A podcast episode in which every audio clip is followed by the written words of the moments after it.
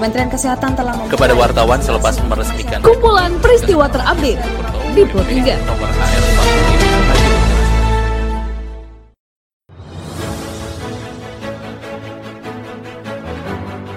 Halo pendengar, saat ini Anda sedang mendengarkan kumpulan peristiwa Pro 3.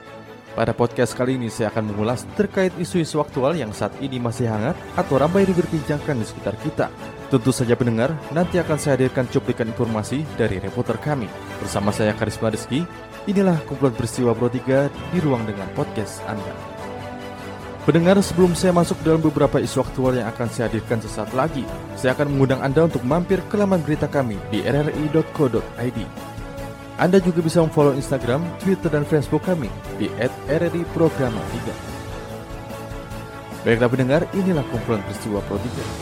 Pendengar Presiden Joko Widodo menegaskan seluruh ASN di Indonesia wajib meningkatkan kapasitas, kompetensi, serta kemampuan beradaptasi pada perubahan. Diliput Pradip Tarahadi berikut pernyataan Presiden Jokowi. Di tengah dunia yang penuh disrupsi, peningkatan kapasitas dan kompetensi serta kemampuan beradaptasi dengan perubahan menjadi mutlak bagi ASN. Sebab banyak sekali masalah yang tidak bisa dipecahkan oleh satu dinas, oleh satu daerah, oleh satu kementerian atau lembaga, maupun oleh satu keahlian dan satu disiplin ilmu. Saya tegaskan bahwa setiap aparatur sipil negara di mana pun bertugas seharusnya memegang teguh nilai-nilai dasar yang sama, mempunyai semboyan yang sama.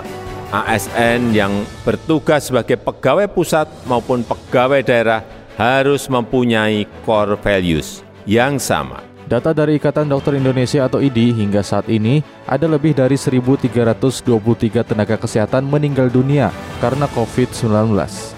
Dalam keterangan First secara virtual, Ketua Tim Mitigasi ID, Dr. Adib Komaidi, mengatakan pandemi menjadi tantangan berat bagi para nekes sehingga dibutuhkan kerjasama dengan berbagai pihak untuk mengatasi pandemi.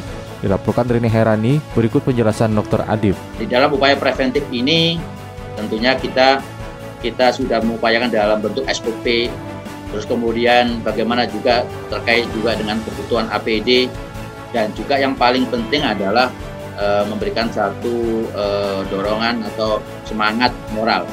Inilah yang kemudian dalam satu bagian upaya preventif promotif ini kami mencoba untuk kemudian bekerja sama dengan beberapa pihak, kelompok civil society.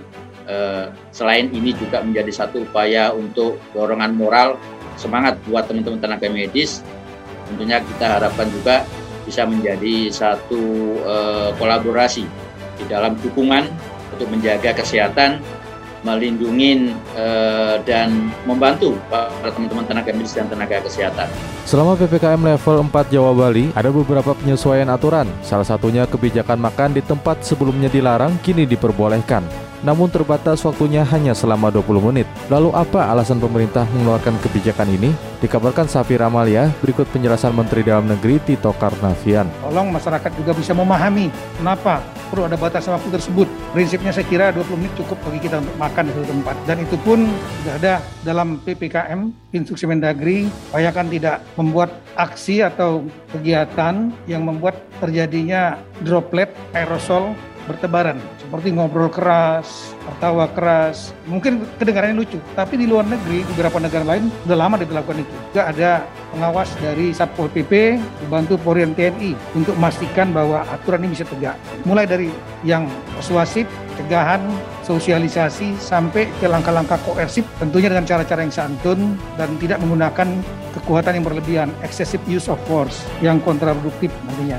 Badan Penanggulangan Bencana Daerah atau BPBD terus mendroping air bersih untuk desa-desa di lereng Merapi yang kekurangan air bersih akibat musim kemarau. Liput Adam Sutanto berikut keterangan Kepala Bidang Kedaruratan dan Logistik BPBD Kabupaten Klaten Yuwono Haris. Kemarin itu baru tiga desa yaitu Tegal Mulyo, Dan Ngerangan. Nah, itu kemarin teman Telogowatu Pak Lurah dah minta itu. Jadi mungkin untuk Telogowatu tambah satu desa. Nah, pendengar, informasi tadi sekaligus mengakhiri perjumpaan kita pada podcast edisi hari ini. Anda juga bisa mendengarkan podcast edisi hari ini di Spotify dengan hanya mengetik Pro 3 RRI di kolom pencarian Anda. Dan pendengar tetaplah menjaga jarak dan ikuti selalu protokol kesehatan. Saya Karisma Rizky, sampai jumpa. Kementerian Kesehatan telah Kepada wartawan selepas meresmikan kumpulan peristiwa terupdate di Pro 3. nomor AR 45